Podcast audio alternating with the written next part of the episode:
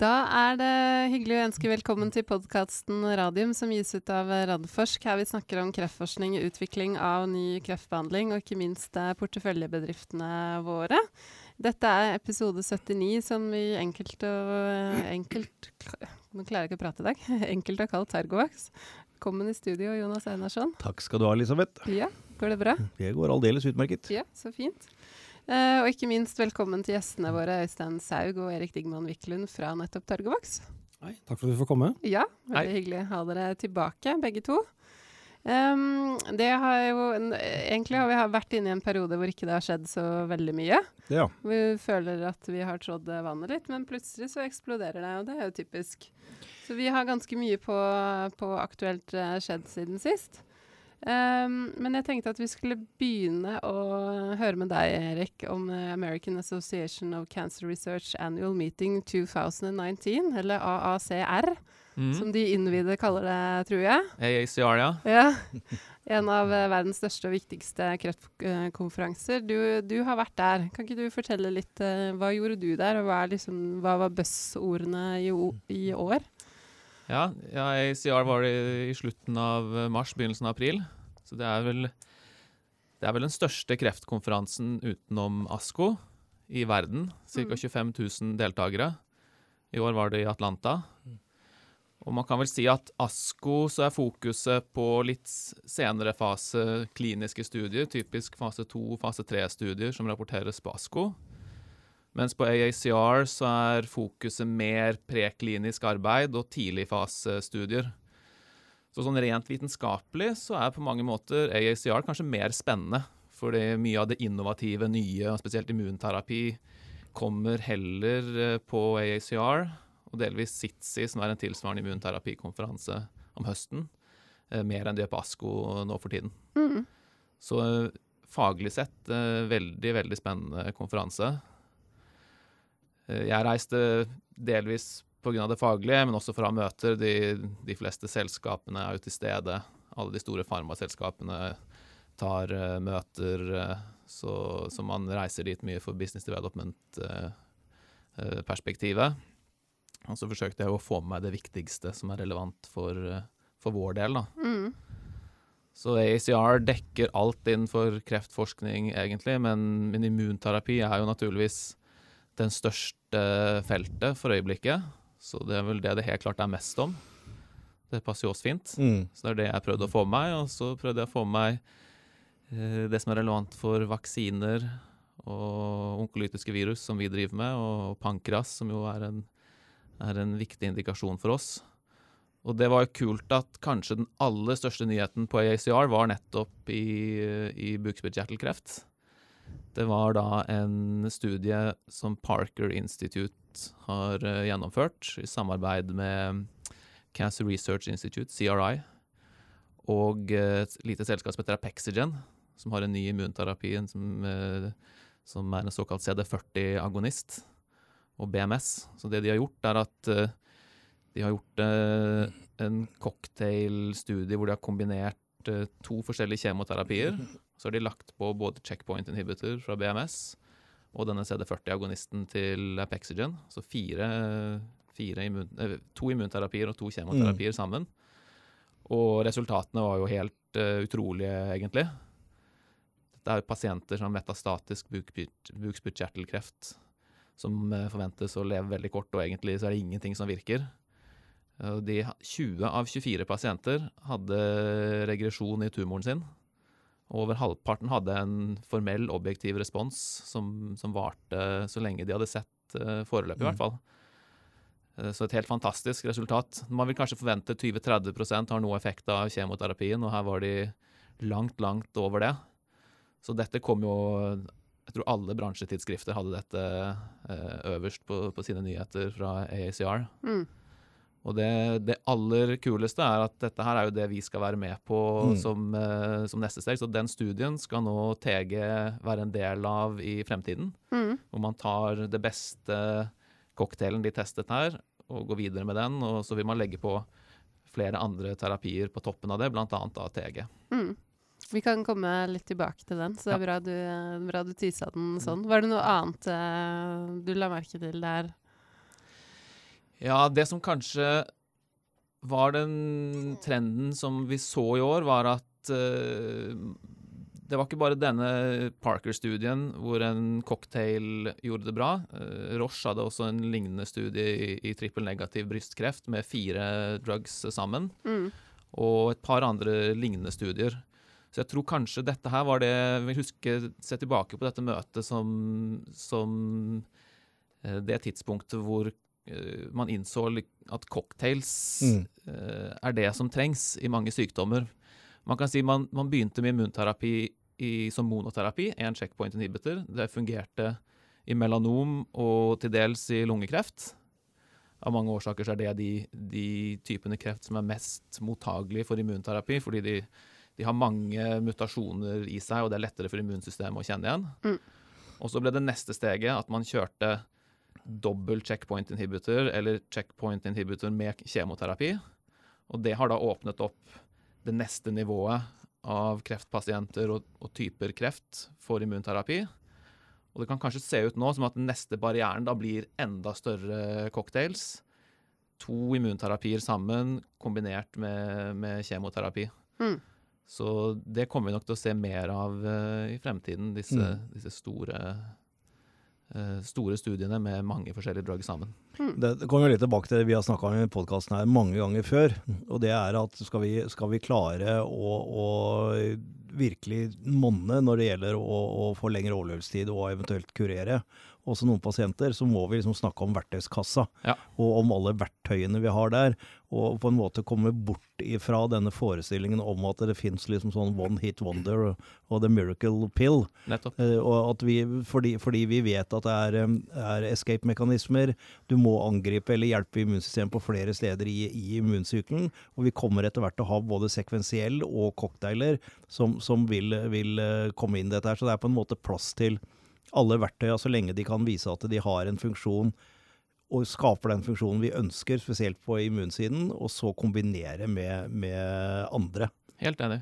Og dette er spesielt relevant for oss som utvikler immunaktivatorer, som nok som monoterapi i seg selv ikke er nok til å ha en klinisk effekt. Mm. Men det hjelper andre medisiner til å fungere, og cocktailen kan ha en dramatisk effekt for pasienten. Men da, men da får jeg sånn to umiddelbare spørsmål. Det ene er med bivirkninger, når du kombinerer, kombinerer så mange ulike typer medisiner. Og det andre er pris.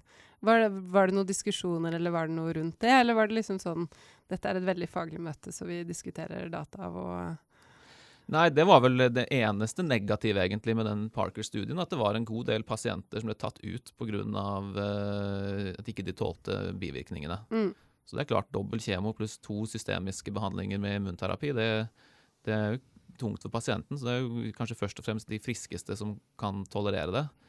Men her tror jeg man har mye å hente i å effektivisere doseringsregimene. Mm. Jeg tror også kanskje man kan bli kvitt de verste kjemoterapiene. Man har en del sånne 50 år gamle kjemoterapier som cisplatin, 5FU, Mm. Som er veldig toksiske, og som, og som dreper egentlig alle cellene, bare mest de som deler seg. Mm. Men man har andre generasjons kjemo som er betydelig mer eh, målrettet og har mindre, mindre sterke bivirkninger. F.eks. Abraxane, paklitaxel, som de Mm. brukte i det tilfellet her. Så kanskje det som kommer til å skje, er at man kan droppe de verste kjemoene, og så fokusere på de som er, eh, er eh, noe mildere i bivirkninger og litt mer, litt mer eh, targeted, pluss plus immunterapi. Ja, også på, på immunterapisiden så er det jo også sånn at uh, når, når vi først hadde den første, da, CTLA-4, og så kom PD1-en, uh, som man trodde da at det var PD1, PDL-en som skulle på en måte overta, så ser man at man får ikke løfta halen godt nok med den, og begynner da å kombinere det med, med IPL Zetla 4. Ja. Og da ble det i utgangspunktet, etter de første studiene, så satt jeg og tenkte at nei, dette tror jeg ikke blir noe av fordi det er så mye bivirkninger. Eh, Men i dag er det i ferd, spesielt i malignt melanom, så er førstelinjebehandling på 40-50% pasienter nå. Det er denne kombinasjonen. Rett og slett fordi vi har lært oss å håndtere bivirkningene.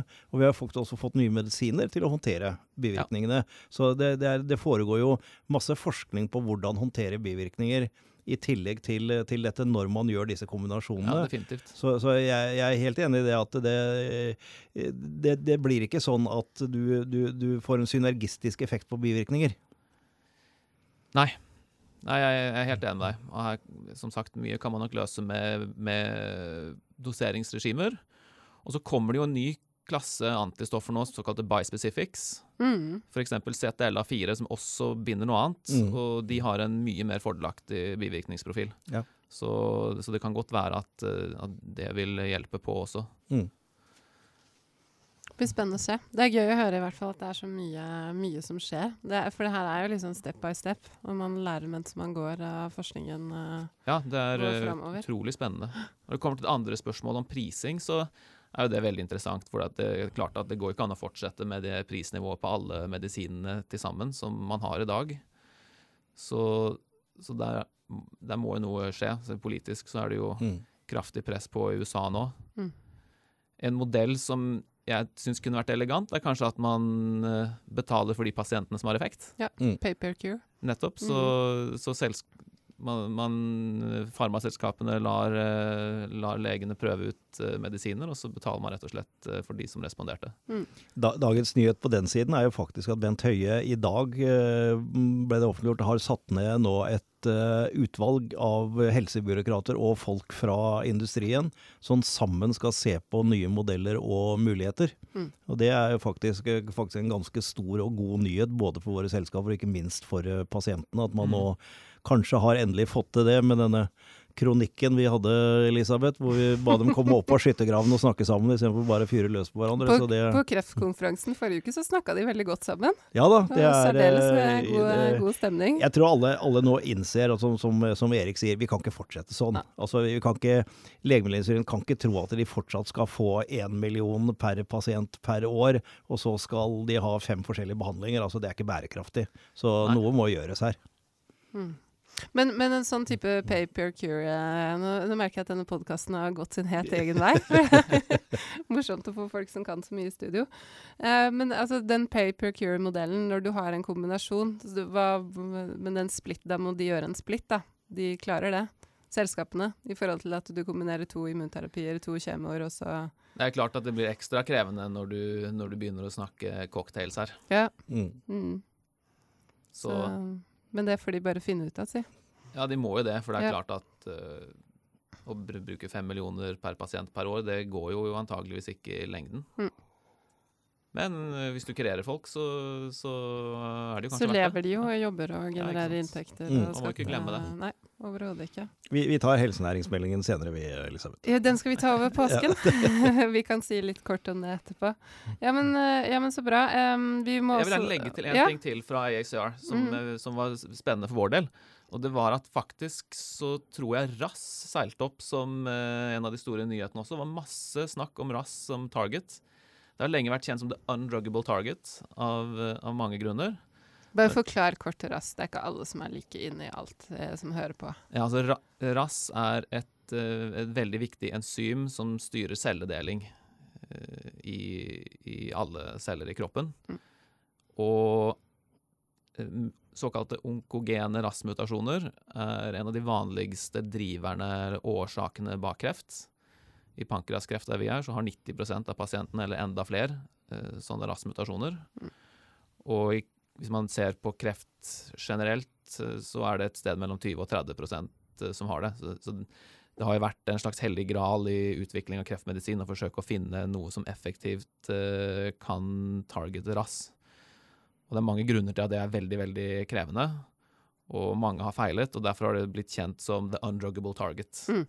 Men eh, det gjorde virkelig comeback i år. Det var interessante data fra Amgen, Sanofi, eh, også et lite selskap som heter Mirati, pluss noen eh, vitenskapelige postere jeg så. Man ser også her i bransjetidsskriftene som Endpoints og sånn skrev etterpå, var det mye snakk om, eh, om RAS. Så det er jo godt nytt for oss mm. at uh, det blir mer fokus på dette targetet. Mm. Her har jo vi De fleste bruker såkalte small molecules for å treffe RAS. Uh, de, de, kan fungere bra, men, men, ulempen er at de bare klarer å uh, treffe én mutasjon av gangen, og du har mange mutasjoner som kan forekomme i RAS. Vi har med vår med vaksinemetode klarer vi å treffe alle RAS-mutasjonene samtidig. Så der har vi en, vi en fordel. Mm. Så vi håper nå at vi kan, kan få litt medvind av denne, denne nye interessen for, uh, Mm. for RAS-mutasjoner. Spennende å høre. Mm. Eh, det var et par andre norske selskaper, ikke bare norske, men eh, våre selskaper som var på eh, AACR. Eh, Vaxibody hadde en poster sammen med Nectar Therapeutics, prekliniske data på det Mhm. samarbeidet de har der. Og Nordic Nanovektor hadde også en poster der. det er også prekliniske data. Vet ikke om vi skal si så veldig mye mer om det, men det er jo spennende å se at det er så stor norsk eh, deltakelse på en av verdens største kreftkonferanser. Ja, og, og ikke bare da på ASKO, med forhåpentligvis etter hvert og Æsj med presentasjon av eh, litt mer modne kliniske data, men at det faktisk våre selskaper også jobber med pipelinen sin, Mm. og, og jobber eh, preklinisk. Eh, Og det vet jeg kan, kan de herrene her si litt mer om etterpå, men at det også er et viktig fokus for, for Targovax, og ikke bare utvikle selve pipelinen du har kommet inn i. Eh, Men selv med begrensede ressurser, at du klarer å, å også jobbe med pipeline og nye prekliniske ting. For eh, sånne prekliniske forsøk, én ting er, er at eh, man kan jobbe med helt nye ting. Men en annen ting er at slike prekliniske data faktisk er viktig for å underbygge og forstå de kliniske dataene du får. Så det har en sånn dobbel eh, virkning på det. og det var, var Ikke jeg gått i det, detalj på det, men det var spennende postere som eh, ble lagt fram fra disse selskapene du nevner. Så bra. Hvis vi da går tilbake til uh, Norge og de siste nyhetene fra selskapene. Vi kan ta PIS, eh, PCI Biotech uh, først. De sendte ut en melding i går eller foregårs. Ja. De hadde en vellykket dataavlesning fra fase 1 på den utvidede studien på galleganskreft. Og da fikk vi inn spørsmål fra en lytter om ikke du kunne kommentere og forklare denne. For vedkommende mente at PCI har et stort potensial i å kommunisere tydelig med markedet, for å si det mildt.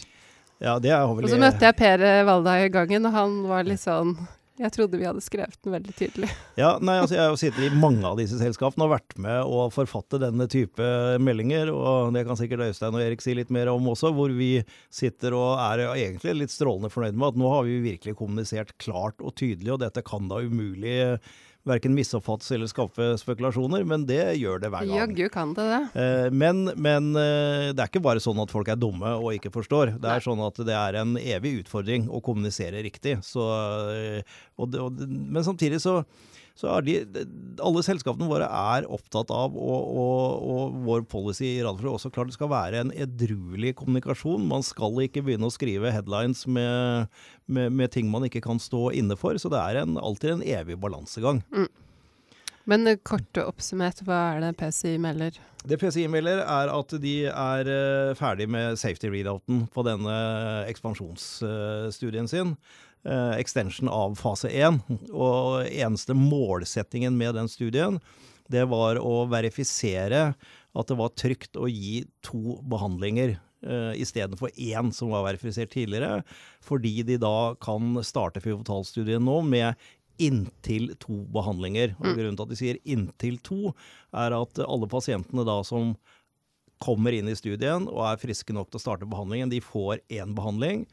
Eh, og Så går det en stund før de får behandling nummer to, og under forutsetning av at det ikke har inntruffet uventede bivirkninger eller pasienten av annen grunn ikke er i stand til å få behandling to, så får de behandling to.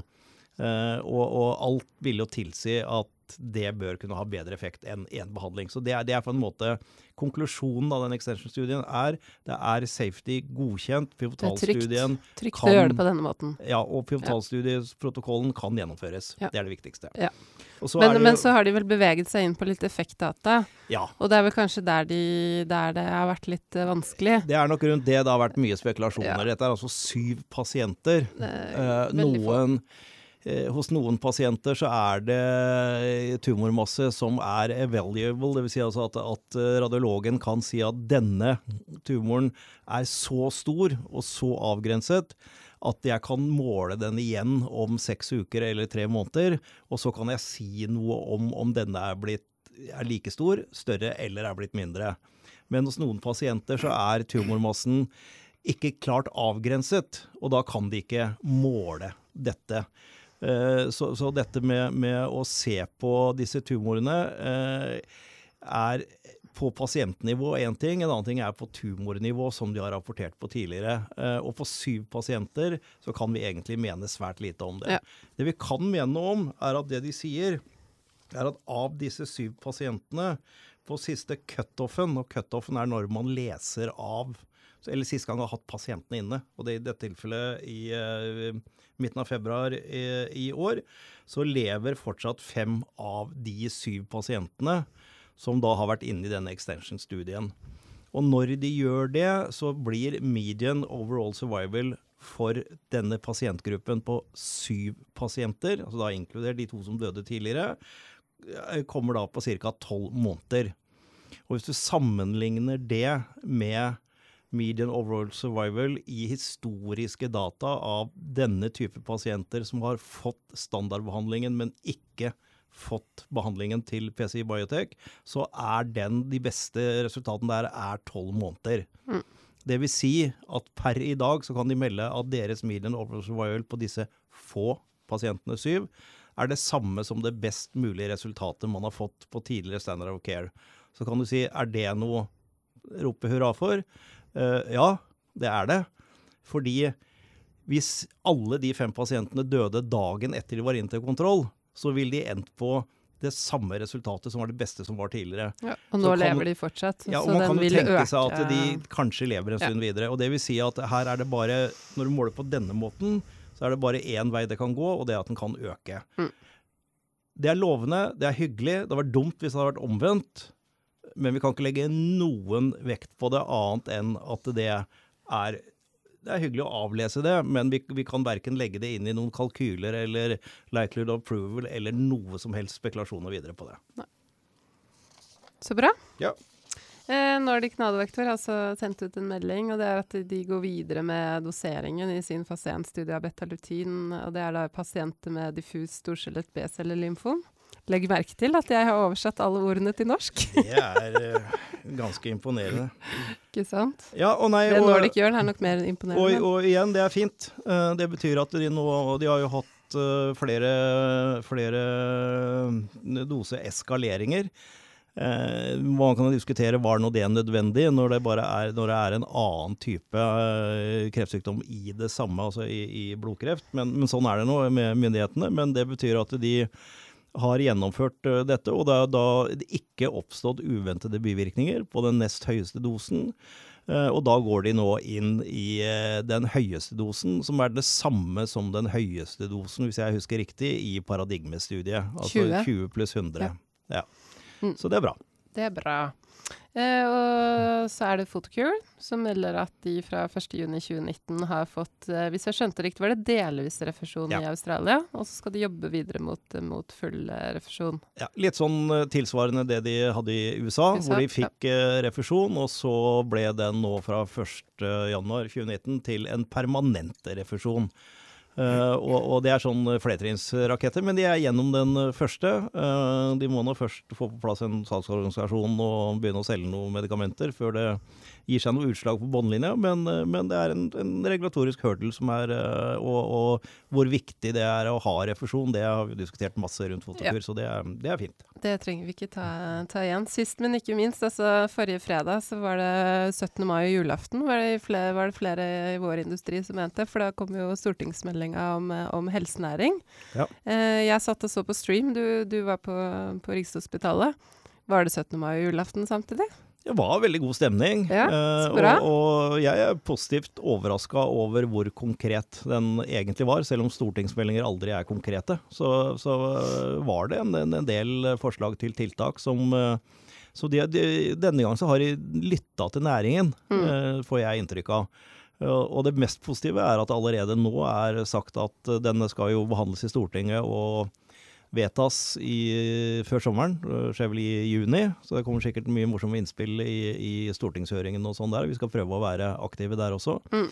Uh, og så sier de at de allerede nå til høsten skal innkalle til en uh, rundebordskonferanse og innspillkonferanse for å følge opp hva de skal gjøre. Altså, de er konkret f.eks. å se på opsjonsbeskatningen. Mm. Som jeg er helt sikker på at disse herrene vil, vil synes er, er positivt. fordi Det er, det er viktig for, eh, for denne type bedrifter. Og en egen nasjonal handlingsplan for kliniske studier. Så ja, en del positivt. Vi kan ta litt mer om det etter påske, men, eh, men det er positivt. Ja. Jeg har satt opp på planen at du og jeg skal lese den stortingsmeldinga i påsken.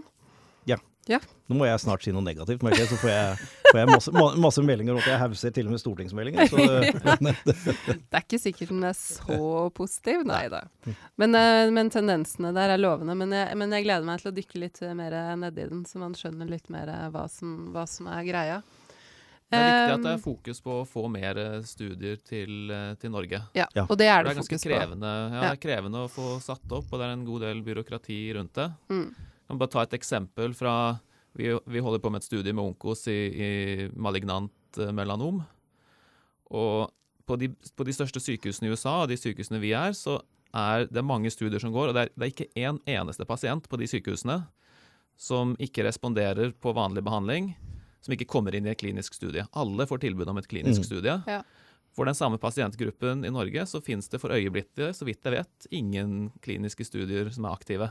Jeg, vet, jeg vet at det ikke gjør det. Nei, Jeg har sant? akkurat undersøkt det, så det er helt riktig. Så det er jo et, et tankekors da, at uh, i USA så er det faktisk så mye konkurranse at det er krevende å få pasienter inn i studiene. Og, Mm. og her, eh, Vi har jo et veldig godt tilrettelagt, en forholdsvis homogen populasjon og et bra kreftregister, så vi er jo egentlig et ypperlig sted Mm. å kjøre studier. Så, så her tror jeg det er her er det jo kjempemuligheter for å rett og slett eh, få mer innovativ behandling til, til Norge. Ja, Mm. jeg hørte et foredrag av Halvdan Søby. ja, leder for Ekspertpanelet. ekspertpanelet eh, på kreftkonferansen til eh, DM Arena. Eh, og han eh, sa at deres store negative overraskelse var at de hadde meldt inn god del pasienter hvor de sa at denne pasienten absolutt bør kunne være mulig å finne klinisk studie til, men de fant ingen kliniske studier i Norge. Og når de fant noen få i utlandet, så ville ikke staten betale for å sende de dit. Ja, eller så var det byråkratiske um, ting i forhold til å få de tatt imot også. Ja. Bare i Danmark så krevde de noe helt andre type eh, tester. Genetiske tester, rett og slett. Ja, ja, altså gjør- inklusjons, inklusjonskriteriene er ofte at det gjøres en genomsekvensering, Så- og så gjør ikke vi det. Mm. Nei. For de har det som standard, at de gjør en sånn utvida Ja. sekvensering. eh, Ja. Men, men da har jeg en god nyhet, da. Og det er at akkurat nå borte i eh, forskningsbygget så er det et seminar eh, og en lansering av noe som heter Inspire. Som er sånn uh, samarbeid mellom Kreftregisteret og ni farmasøytiske selskaper og LMI og Invento. Hvor man faktisk da skal finne ut av hvem i Norge som får kreftbehandling, den nye kreftbehandling, og effekten av det. Og det de håper på gjennom det prosjektet, er jo at man nettopp kan få flere studier. Ja. For det er ikke så mange andre land som kan gjøre det på den måten at de følger altså Kobler med det- pasientene. Medikamentell behandling inn til Kreftregisteret. Ja, der er vel Norge ganske unikt. Mm. Ja. Så det lanserer de i dag, og håper å gjøre noe, å være ferdig allerede med pilotstudier på noen kreftformer, bare noen år. Det er, Så det er veldig, veldig veldig, gøy. bra. Mhm. Spesielt i, i, i disse dager her. Før så var jo nye medikamenter kanskje man fikk en eller to måneder mer overlevelse, og det var ikke så stor forandring. Men, men nå kommer det jo eksperimentell medisin som virkelig virker. Mm. Men det tar jo tid før de kommer på markedet. Mm. Og, og det er jo veldig synd at, eh, at ikke det er flere som faktisk får muligheten til å få prøvd den eksperimentelle medisinen Mm. som, som er veldig lovende i, i Norge. Mm. Så det er supert at det blir iverksatt eh, tiltak. Det er det. Men, eh, men, nå, men nå, gutter, må vi snakke om dere. Øystein har knapt eh, sagt noen ting, så da gir jeg først ordet til deg. For jeg tenker vi, du må først gi en litt sånn kort, kort intro til uh.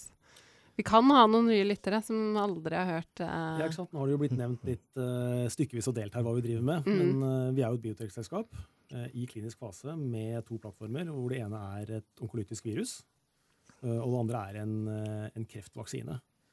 Og det som er felles for begge disse plattformene, begge disse produktene, er at de er immunaktivatorer, at de skaper flere T-celler. Mm.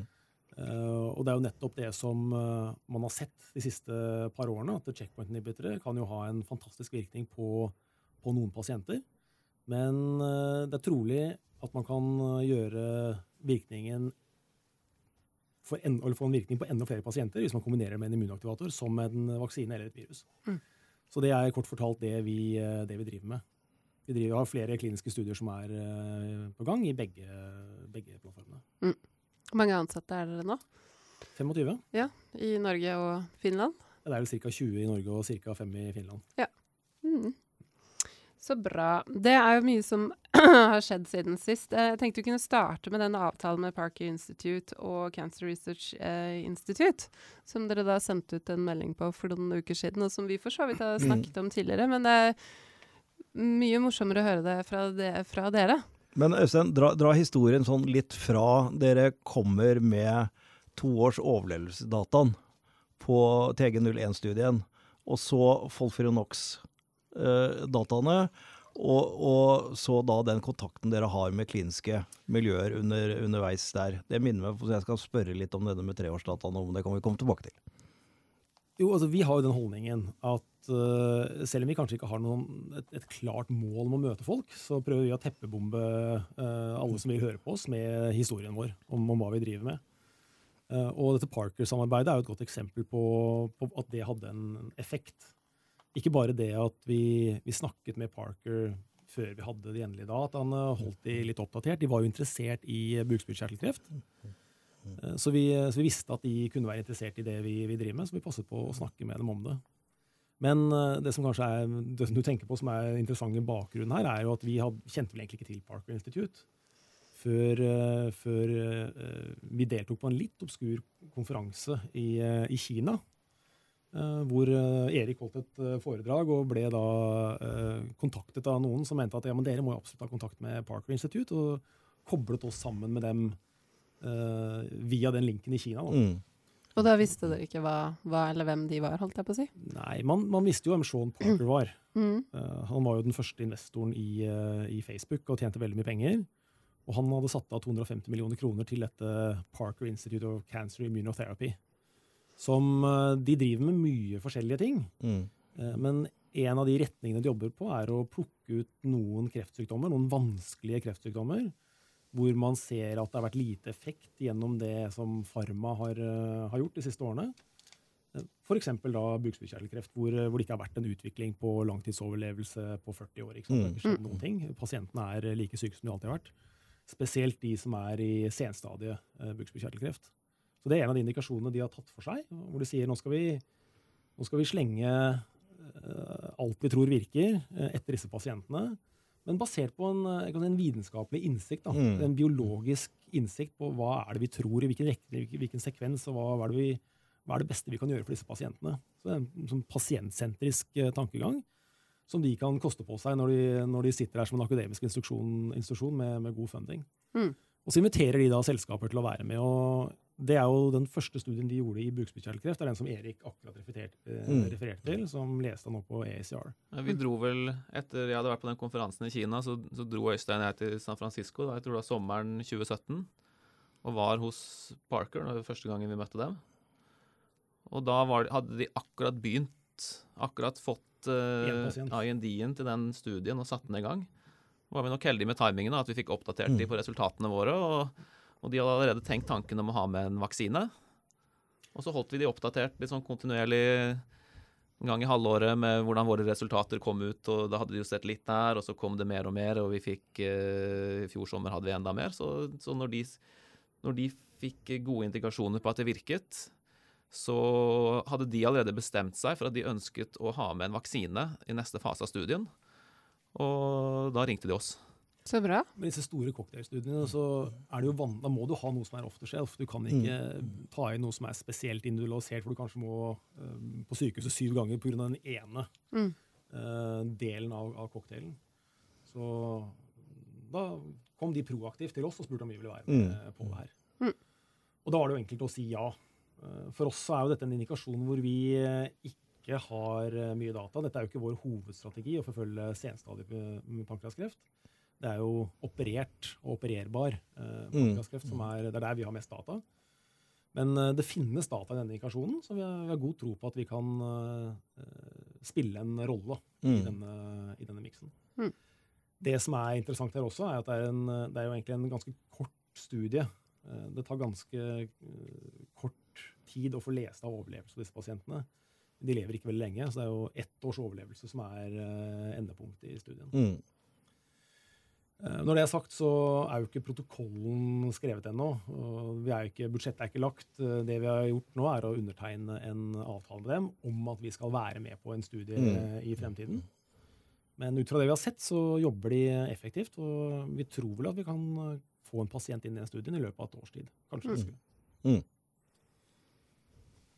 Så tidshorisonten etter det i løpet av et år, første pasient, og så Det vil ta litt tid å rekruttere ja. studien, og så vil jo, når studien er fullrekruttert, så vil det gå et år før du kunne få mm. lest av overlevelsesdata. Mm. mm. Så er det et fantastisk nettverk for oss å, å, samarbeide med. De gjør jo En del av mandatet deres er å gjøre store analyser, også på tvers av studier, og virkelig sette immunologiske data sammen og i kontekst. Mm.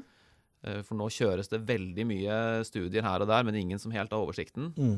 Og Parker har som formål å skaffe seg den oversikten og gjøre alt som fins av state of the art-analyser.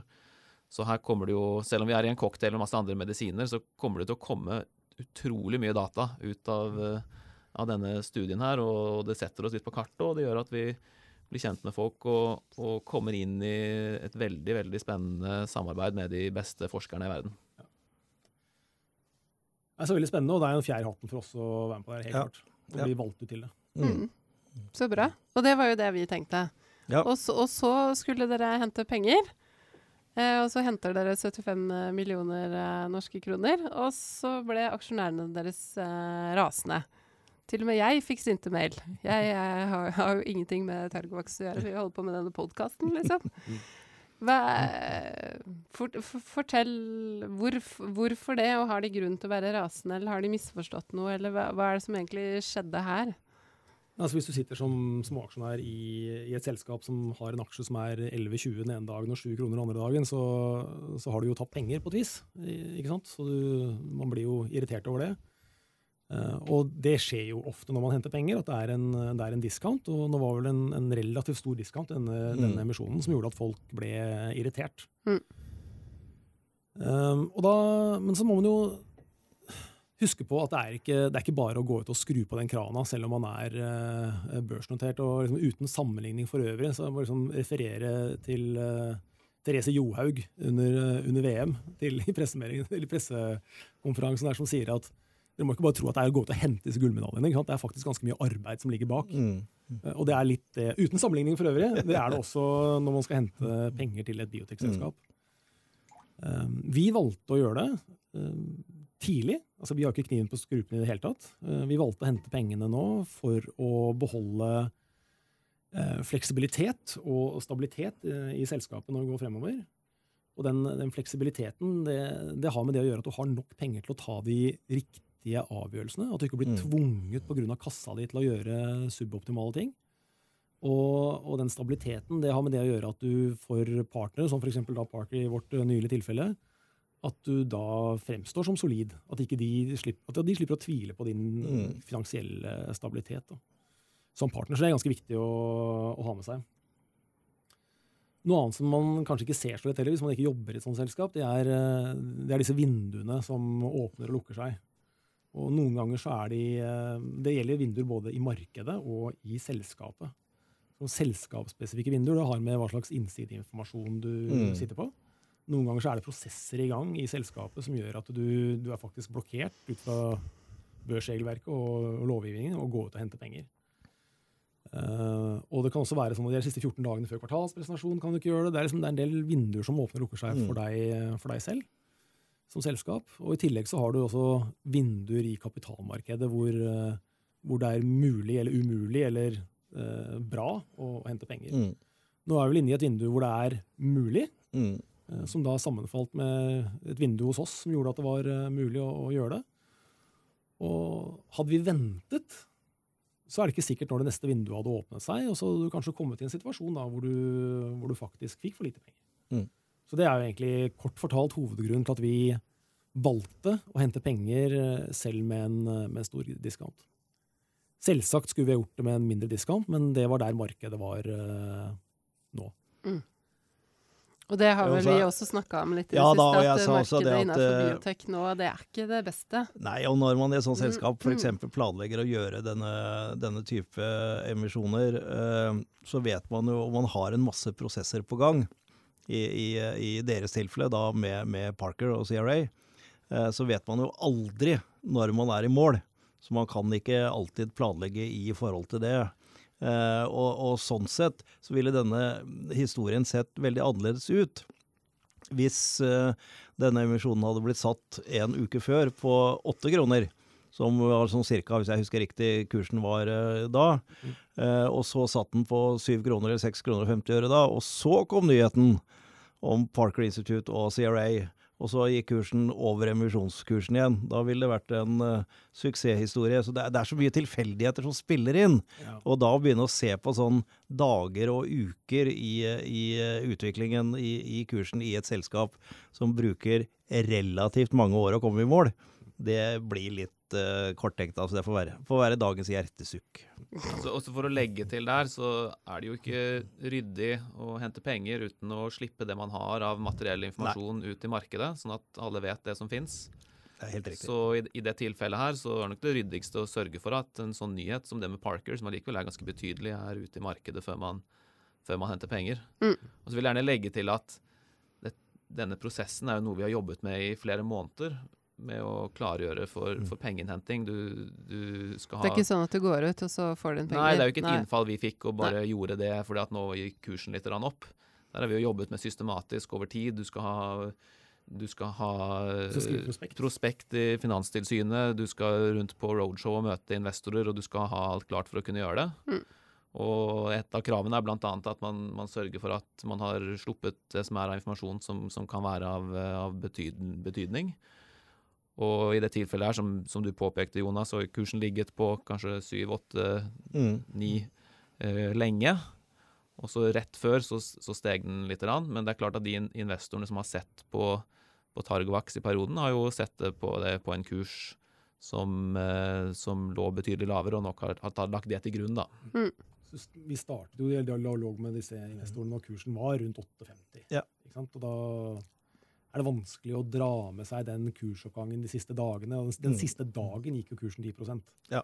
Å få med seg det inn i en emisjonskurs, det er, eh, det er Nei, men det er hele, hele poenget mitt. Men uh, når vi først er inne på det uh, Jeg rakk bare å lese det lynraskt uh, i stad, så jeg må forklare meg litt med, i forhold til reparasjonsemisjonen og treårsdata. Ja, nå forventer jo vi Nå har jo vi hatt ettårsdata sånn rundt uh, i, rundt midten, slutten av mai. Ja. Uh, og toårsdata Ettersdata på hva? på, på, på, overlevelse på TG01, ja. studien Ja. Det blir litt internt her nå. Så. Ja, det ble det fint at du passer på. Ja. fryktelig internt her. Det, vi har, vi har opp, opplyst til litt Altså, det er ikke det, men uh, og Ca. 365 dager senere så hadde vi toårsdata. Mm. Uh, og treårsdataen kommer da omtrent i samme tidsvindu i år også. Uh, og så Da tenkte vi at det var best å legge denne reparasjonsemisjonen rundt uh, til nå er det vel 24. mai. Mm. At den reparasjonsemisjonen slutter. Og da regner vi med ganske stor sannsynlighet at vi klarer å få de, den dataavlesningen da, innenfor reparasjonsvinduet. Ja, så Da er filosofien på en måte det samme som du sa akkurat nå, Erik. At de som skal ta stilling til om de vil være med i den reparasjonsemisjonen eller ikke. De bør vite om dette, hvordan de dataene ser ut før de tar den avgjørelsen. Ja, Det ville vært dumt hvis den informasjonen kom uka etterpå. Ja. Mm. Begge hvor mye, veier. Hvor mye sikter dere på i reparasjonsemisjonen da? Maksimalt skal det bli 13 millioner. Ja. Mm. Mm. Så bra. Hva, hva, skal dere bruke disse pengene til? Sånn vi har jo et pågående program med mange mm, kliniske studier mm. uh, i begge plattformene. Og vi driver også og jobber med, med nye viruser. Altså ikke Onkos 102, men med et nytt, nye program med viruser. Og i alle disse programmene så vil det være utlesninger i, uh, i 2019 uh, og 2020. Mm. Slik vi ser det. Altså vi, vi, finansierer det løpende programmet og vil ha avlesninger egentlig over hele fjøla mm. uh, for disse pengene. Så det er den gamle, gamle smørja. Du trenger penger for å skaffe kliniske data? Ja, det, er, det er det vi driver med. Ja. Det er jo det. Men, men uh, hvis vi går også da et år tilbake i tid, så, så var det jo på, på ASKO i fjor at den nyheten om, om Folfirinox kom. altså Det er en sånn type kombinasjonskur. Og at den var, hadde litt gode data. Og så hadde jo dere vært i gang med studier hvor dere ikke hadde sammenlignet med den. Og så gikk dere inn i tenkebuksen uh, i forhold til uh, TG vaksinen. Men, men, som vi har snakket om flere ganger, altså den Folfirinoxen den virker jo ikke som den er så altså, god for unntatt de pasientene som er veldig friske. Ja, den vil nok bli brukt i et uh, subsegment da, av mm. pasientpopulasjonen, ikke for alle. Uh, men, uh, men, for å gå tilbake igjen til, til spørsmålet. så Det som skjedde i fjor sommer, vi hadde planer om å starte en, en større fase to, eh, kanskje skråstrek fase tre-studie, eh, i kombinasjon med standard of care kjemoterapi. Det som skjedde på ASKO i fjor, var disse Forfirinox-dataene som viste seg å gi en, en, ja, nesten en fordobling av forventet overlevelse for de pasientene som, som fikk den behandlingen. Og for oss så ville det være vanskelig av flere grunner. Ikke bare det at studiet ville ta veldig lang tid, men eh, vi visste jo ikke hva som ville bli standard of care heller. Så når vi skulle sette i gang den studien, så var det vanskelig for oss å plukke ut hva er det vi skal kombinere med. Mm. For det vil være forskjellig på forskjellige steder, forskjellige sider av Atlanteren. Noen vil få det før operasjon, noen vil få det etter operasjon, noen vil få begge deler. Altså Det var uh, uklart, og det er vel fremdeles hva som blir standard ok care mm. for denne pasientpopulasjonen. Og ville fort, fort vekk fått et studie med en veldig heterogen pasientpopulasjon og potensielt vanskelig data å tolke. Og kanskje irrelevant standard ok. Mm. Ja. Så, så, det vi har bestemt oss for og måten vi har tenkt å ta dette videre på, det er å vente til de er ferdig med, med kjemoterapi. Og så inkludere pasientene og vaksinere dem. Mm. Og en annen ting som vi lærte fra denne TG01-studien vår, det var jo også at du, du må ikke nødvendigvis vente på overlevelsesdata her. Vi kan også lese av uh, disease-free survival, eller av progresjon. Hvor, uh, mm. hvor, fort er det pasienten får tilbakefall. Mm. Og Fordelen med å rekruttere pasientene senere i syk sykdomsforløpet og lese av dataene tidligere i sykdomsforløpet, er at du sannsynligvis kan få en datautlesning her i løpet av et års tid, også på disse mm. pasientene. Mm. Mm. Som man tidligere kanskje måtte vente i flere år med den tidligere designen vår. Mm. Så vi er veldig fornøyd med det resultatet vi har ved å, å sitte i tankeboksen. tankeboksen. Mm. Det vi forsøker å få til nå, det er å finne da samarbeidspartnere til å kjøre denne eller slike studier eh, sammen med oss i den indikasjonen hvor vi tross alt har eh, mest data. Mm. Og det holder dere på med? Det driver vi på med. Ja. Mm, så bra. Så egentlig så kan vi vel si at vi var ganske heldige med at de dataene kom i 2018. Og forventet mm. forventet at den studien skulle rapportere nå på ASKO 2019. Mm. Men uh, det var så gode data at uh, studien ble vel stoppet. I hvert fall radioiserte armen, og de, ble, de, rapporterte tidlig. Og som da viste at Folfirinox hadde en medianoverlevelse på, på fire og et halvt år, og, og fikk oss til å, til å ikke, ikke kansellere uh, planene våre i opererbar bukspyttkjertelkreft, men i hvert fall Eh, stoppe den studien vi hadde tenkt, mm. og finne ut hva som er lurest å gjøre. Og vi har nok endt opp nå med, en, eh, med noe som blir en, eh, en, mye bedre approach enn hva vi hadde startet da. Så, ja. vi hadde flaks med timingen. Ja, det, det er mm. mye bedre. Litt sånn dette, hell, hell i uhell-situasjon. Ja, det, det, så i hvert fall dramatisk ut når det skjedde, men sånn sett nå, så var det til det beste. Hadde studien Absolutt. vært i gang og det hadde kommet nå, så hadde det vært en langt mer krevende situasjon. Mm. Ja, men det er bra. Eh, vi må snakke litt om Onkos-plattformen også, hva, som er da de onkolytiske virusene dere har, hvor det er også mye spennende studier. Hva, kan dere fortelle litt, eller ta en liten oppdatering her? Jeg tenker Kanskje Erik uh, tar litt big picture først, så sier vi litt om programmene etterpå. Ja. Ja, onkolytiske virus er jo veldig i, i vinden for tiden. Det var siste ett og et halvt årene har vært mange dealer. Flere av de store farmaselskapene posisjonerer seg inn i, i onkolytiske virus. Så vi opplever vel sånn generelt at internasjonalt så er det nok der eh, det er mest interesse for Targovax, er det faktum at eh, vi har et virus i utvikling. Mm. Og vi er av de fremste onkolytiske virusselskapene med Nå har vi vel behandlet 160 pasienter totalt. Det er ikke mange andre selskaper som har. Og når dataene våre nå kommer eh, neste år eller to, så er det mange som følger med, tror jeg. Så det, det blir eh, spennende. Så er det også flere, flere, viktige studier som kommer til å ha data i løpet av året. Eh, Amgen med sitt virus Imlygic, som er godkjent på markedet, eh, vel å merke immunoterapi i melanom, og der fungerer det ganske dårlig, og salget har vært dårlig. Mm. Eh, de valgte det som, som første, første, strategi for lansering, som nok ikke har vært så, vist seg å være så, så, smart. Men de har en stor fase tre nå, i kombinasjon med Pembrolizumab eller Keytruda fra Merck. Fase tre-studie som kommer til å ha data i løpet av året. Eh, interimavlesninger der viser en ca. 60% responsrate. Så Keytruda alene gir 40 Mm. Mm. Og det ser ut til at uh, Imlygic pluss Keytruda gir ca. 60. Det er det man forventer. Det er det samme som dobbeltkombinasjonen av ipilimumab og nivolumab, altså PD1 pluss CTLA4. Som vi var inne på før, så er det ganske mye tox, altså bivirkningsproblemer, med den dobbel checkpoint-komboen. Mm.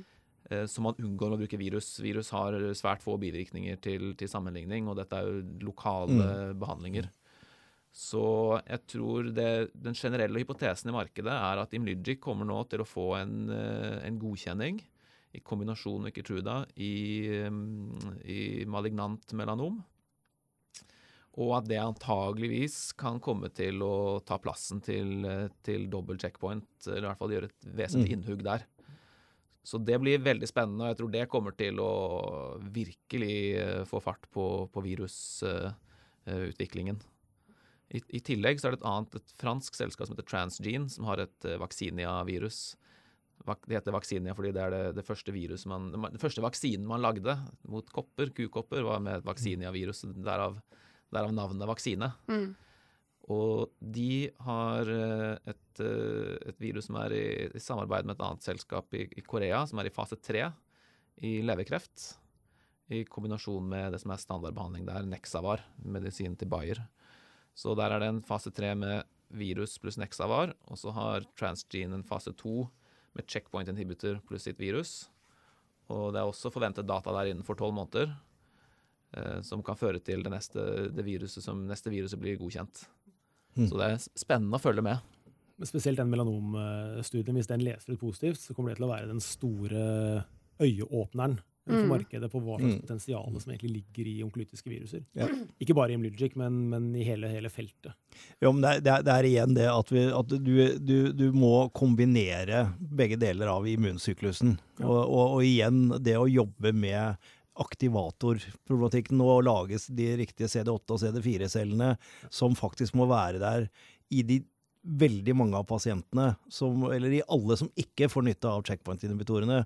Og, og det neste, Erik, er jo selvfølgelig at når vi nå får bedre og bedre kontroll over bivirkningene med kombi-checkpoint-behandlingen, så får du trippel. Ja. Eh, det kan godt være at man da erstatter på en måte litt sånn førstelinjebehandlingen, eh, dobbel eh, eller kombo checkpoint-inhibitorer med en checkpoint-inhibitor og en aktivator, og så legger da kanskje i neste runde på den tredje, altså en, en, en IPL, en Definitivt. Zetla 4. Men, men det er bare igjen det viktigste for oss som, og i hvert fall for Radforsk, som har mange selskaper som jobber på dette med dette med, med aktivatorsiden, at det blir mer og mer nå etablert som et prinsipp at du må ha noe i tillegg til checkpoint-inhibitorene, og at det er på den aktivatorsiden. Og det har vi sett de siste par årene. Ja. At det liksom har eh, kommet frem i lyset. Men hvis du får da disse positive dataene fra Mlygic, så vil det, vil det bli åpenbart for alle. Når kan man forvente det? De skulle jo egentlig vært i fjor uh, før jul, så okay. dette er jo event-driven, den studien. Så det er Ja. jo lengre tid det tar, jo bedre er det jo egentlig. Ja, Det har vært øyeblikk. Ja. ja nei, men det er som du sier, og det er også litt sånn, for det er mange som hører på som prøver å forstå disse begrepene. og nettopp, nettopp det med at studier nå kanskje mer og mer blir event-driven. Og det betyr at du har ikke en dato hvor du kan si at da avleser vi det. Det er faktisk når det har skjedd. Eh, og så blir folk eh, da opptatt av at eh, er det forsinkelser i studien, er, det, er det noe galt her? Men i en event-driven studie hvor det tar lengre tid å få resultatene, så betyr det at det tar lengre tid. Og de eventene er ikke positive, for å si det sånn. sånn at Pasientene lever lenger. pasientene lever rett og slett lenger. Ja. Det, det er mulig å tolke det begge veier. Det kan være positivt for studien, som dere sier. Det kan også være negativt at ikke de, de, de venter med å slippe dataene. Så det er rett og slett umulig å Men, men, tolke. men, Ja, men det, det- tolke. Det, hallo, vi sitter her for å spekulere. Nå, nå har vi podkast, Ja og vi spekulerer. Ikke sant? Ja, vi sier til lytterne at ikke de skal spekulere, men vi kan spekulere. ja det er helt riktig. Ja, det er sant. Vi spekulerer i at det kommer til å være 60 lenge responsrate i den studien. Ja. Så det er det, vi, det er det vi tror kommer til å skje. Men, men, eh, men bare sånn for å skjønne, skjønne dette her, siden jeg ikke er sånn inni dette her. Altså event-driven, altså hva, hva er endepunktene? Hva, hva, hva avleser man på? Hva er det som sier at nå, nå stopper vi studien? Event, Det, ja, e- event kan være f.eks. Uh, progression, er, er det veldig ofte.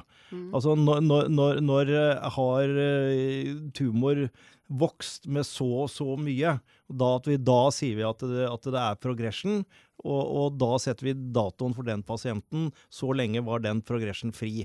Ja. Kan være, det kan være andre ting også, men det er noe som du er målbart. Mm. Og da, da er det inntruffet en event, og så skal det være så og så mange event, og så håper du da at de fleste, hvis du har en placebo-studie, at de fleste eventene er i, i kontrollarmen og ikke i den armen som har fått behandling. Skjønner. Men Da igjen, dette har med design å at gjøre. Dess Og, ja. lenger du venter, dess eh, bedre eller, eller, eller som da herr her, her Digman eh, spekulerer i, at uh, dataene er så dårlige at du har ikke lyst til å slippe dem. Men det er ikke sånn det fungerer.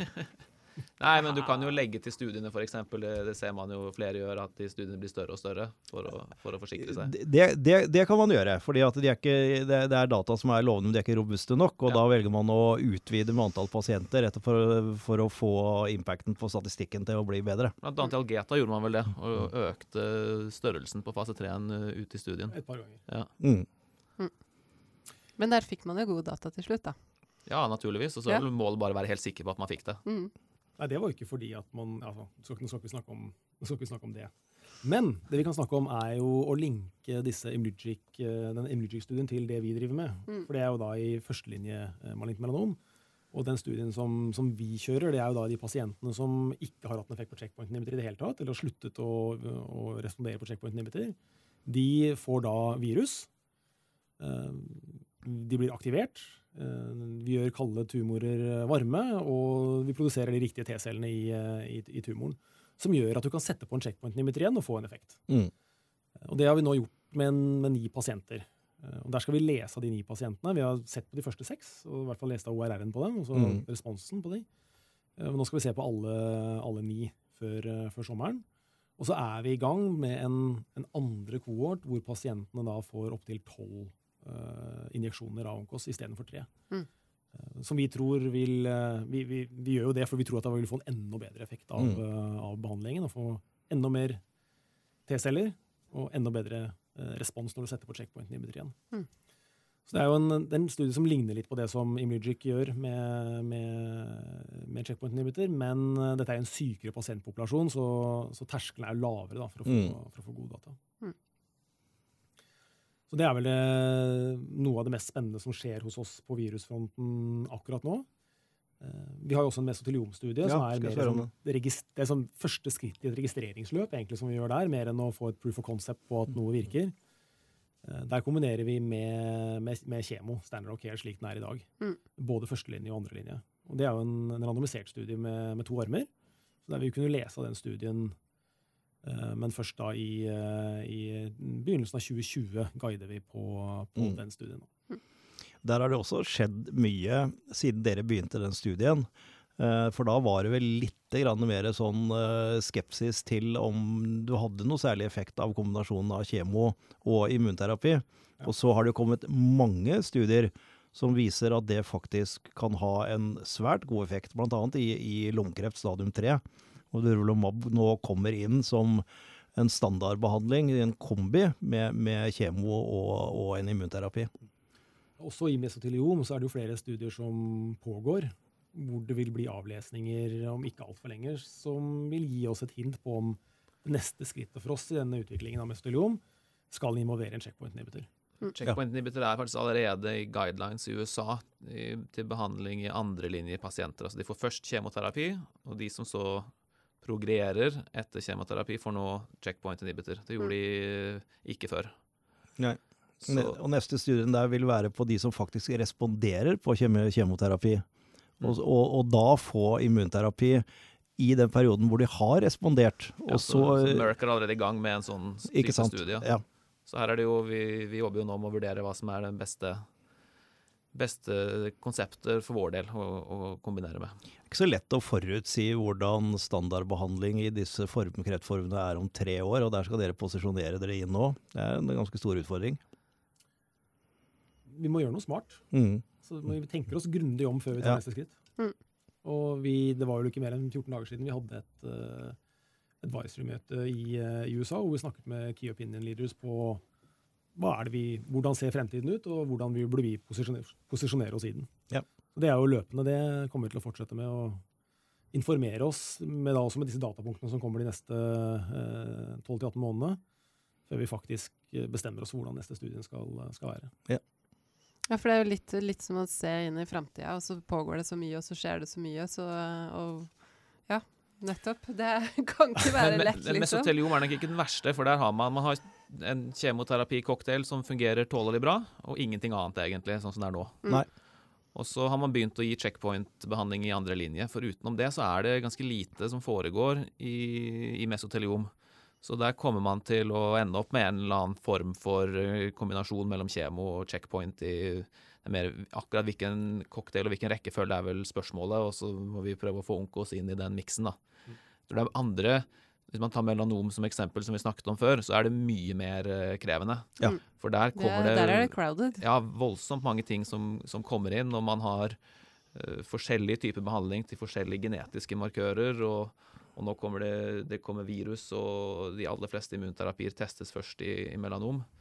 Så, så, selv om det er utfordringer i mesoteliom å finne, se, se for seg fremtiden, så er det jo nok betydelig enklere enn i enn i andre krefttyper. Mm. I mesoteliom så har man minst en, en arbeidshypotese. Ja. Her blir det en checkpoint til kjemo, kanskje også viruskombo, som ja. uh, blir ja. løsningen i fremtiden. Ja.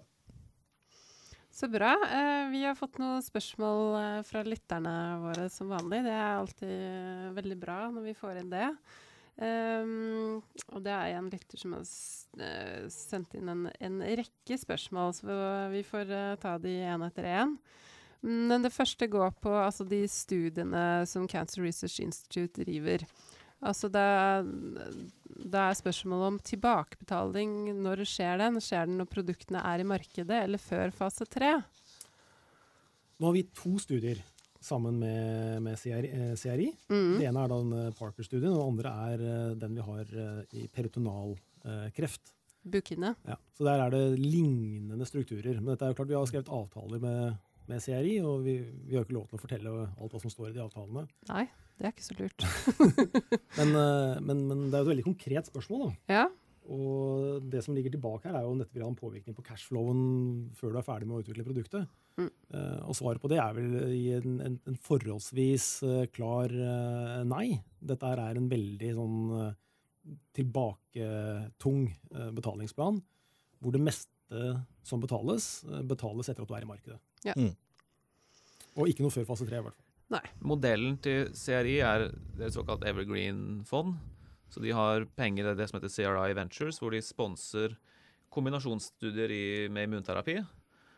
Og så er ideen at de tar risikoen ved å kjøre flere studier, og de som lykkes og ender opp med å gå i fase tre og komme på markedet, skal kunne finansiere de som ble mislykket, og så skal de kunne holde på og fortsette med dette her. Så så ideen er at de tar risikoen for selskapene da, og mm. får gjort de studiene de syns er en god idé å gjøre. Mm.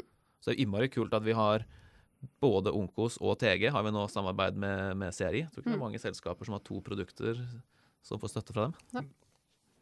Det kjempebra. Neste spørsmål er ganske spesifikt, det også. Eh, det står pasient 4 i kohort 1 i den open label melanomstudien. Brukte ca. 60 dager for å oppnå complete remission, altså fullstendig remisjon på lav dose. Og så er da spørsmålet kan dere sitte på data fra kohort 2 i 2019 og strategisk oppdatere markedet når det passer dere? Det var pasient 5 og ikke pasient 4. Yes, uh, så det, ja, nettopp. Vi skal være spesifikke her. Når eh, lytterne er så spesifikke, så må man eh... Kan vi besitte data fra kor 2 i 2019? Eh, nei. Det kommer vel Vi kommer til å slippe data når vi, eh, når vi har data å slippe. Dette er en open label-studie, så vi kan egentlig velge når vi vil. Så i teorien ja, men uh, vi guider vel på at de meningsfulle dataene fra den andre kohorten de kommer i 2020. Mm. Men kohort 1 kommer i år. Ja. Og er det, den er lukket med ni pasienter. Mm. Neste spørsmål er, er, eh, i forhold til den avtalen som du snakket om, da, som dere har på peritonalkreft. Uh, uh, er det noe definert i avtalen der med uh, Cancer Research Institute og AstraZeneca som hindrer andre framgang eller vanskeliggjør samarbeid med andre? Nei. Nei, så bra. neste, uten å spekulere for mye i Sotio. Da måtte jeg google. Det er da et tsjekkisk biotekselskap. Og deres framgang, er dere sikre på at de vil levere data i 2019? Altså igjen, det, Vi guider jo ikke på de datapunktene som kommer fra våre partnere. Vi leverer virus til en studie som Sotio gjør. Mm. Uh, og når de uh, har data fra den studien, det, det vet vi ikke. Vi har, vi har, et håp om at det kan komme noe i 2019, men vi guider ikke på det. Nei. Uh, neste spørsmål er da er dere villige til å selge virusplattformen? Så hvis du, hvis du velger å tolke 'selge' som å lisensiere ut, så det er klart Vi er jo en kommersiell organisasjon. Vi må jo vi må ta kommersielt riktige avgjørelser. og klart Hvis noen betaler nok, så vil vi kunne gjøre det. Men det er ikke planen vår å gjøre det. Planen vår nå er å skape mer data. Vi tror at vi får mer igjen for den, og selge eller da lisensiere ut uh, noe med virus en gang i, i, fremtiden, og vi har mer data og har bevist uh, i gåseøyne at dette fungerer mye mer enn det vi har uh, per i dag. Kan du da si litt på vegne av en av de største aksjonærene i Targovox med Radforskatten på, og vår filosofi er helt tydelig. Vi er ikke for å gjøre tidligere tidlige utlisensieringer fra selskapene våre. Vi ønsker at selskapene skal samle data for å skape aksjonærverdi på den måten. Den er grei, Einarsson. Eh, Fikk med deg den, sauen? Ja, vi bare vi, vi gjør det. Vi, yes, sir. Yes, sir. Det er bare å nikke og si ja.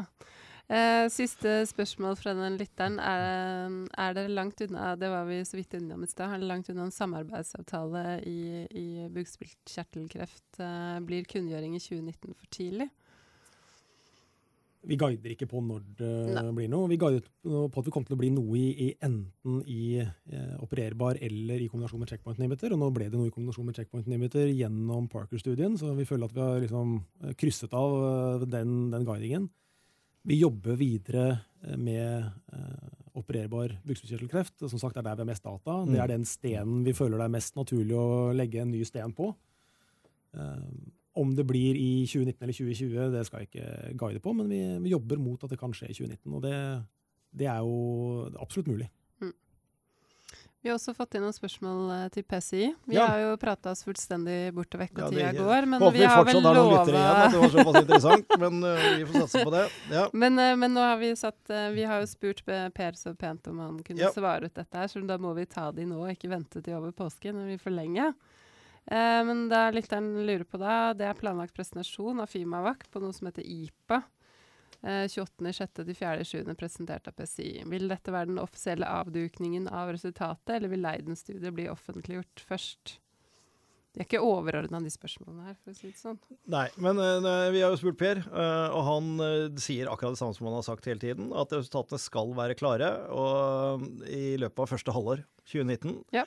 Uh, og de sier ingenting om hvor det skal være, før de har bestemt seg for hvor det skal være, og vet at de har fått uh, får en presentasjon. Så det kommer de tilbake til.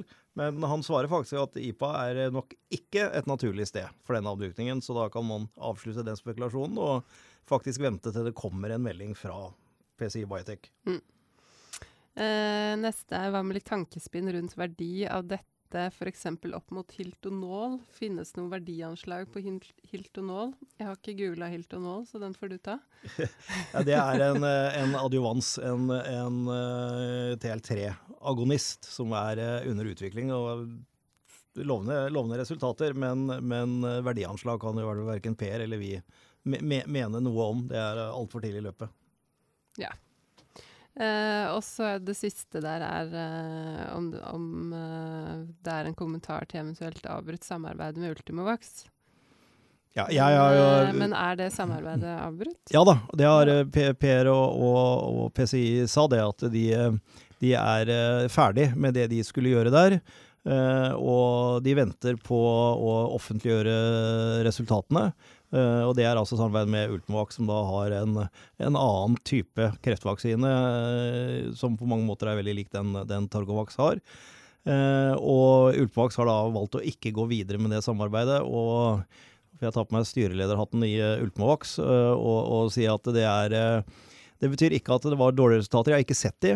Og ifølge Per så skal det være bra resultater, så vi får vente til de kommer, som da vil være med på i så fall å underbygge PCI sin teknologi, at de får eh, da de riktige, de riktige T-cellene som de ønsker å produsere, og det er først og fremst CD8-celler Mm. i, i store mengder. Det er liksom på en måte det som er det store clouet med, med den.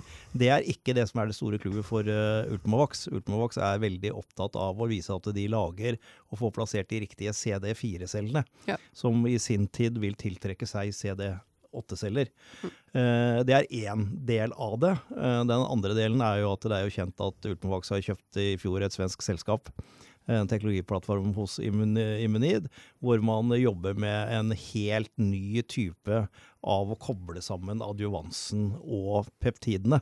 Eh, og, og det vil eh, da å begynne å gå løs på en enda en ny adjuvans som PCI da, vil være å ta fokus bort fra det. Så dette er, dette er ikke noen nei, dette var dårlige data, vi vil ikke samarbeide med dere med. Dette er en beslutning som er tatt rent strategisk i, i Ultimavax, ut ifra det jeg har sagt nå.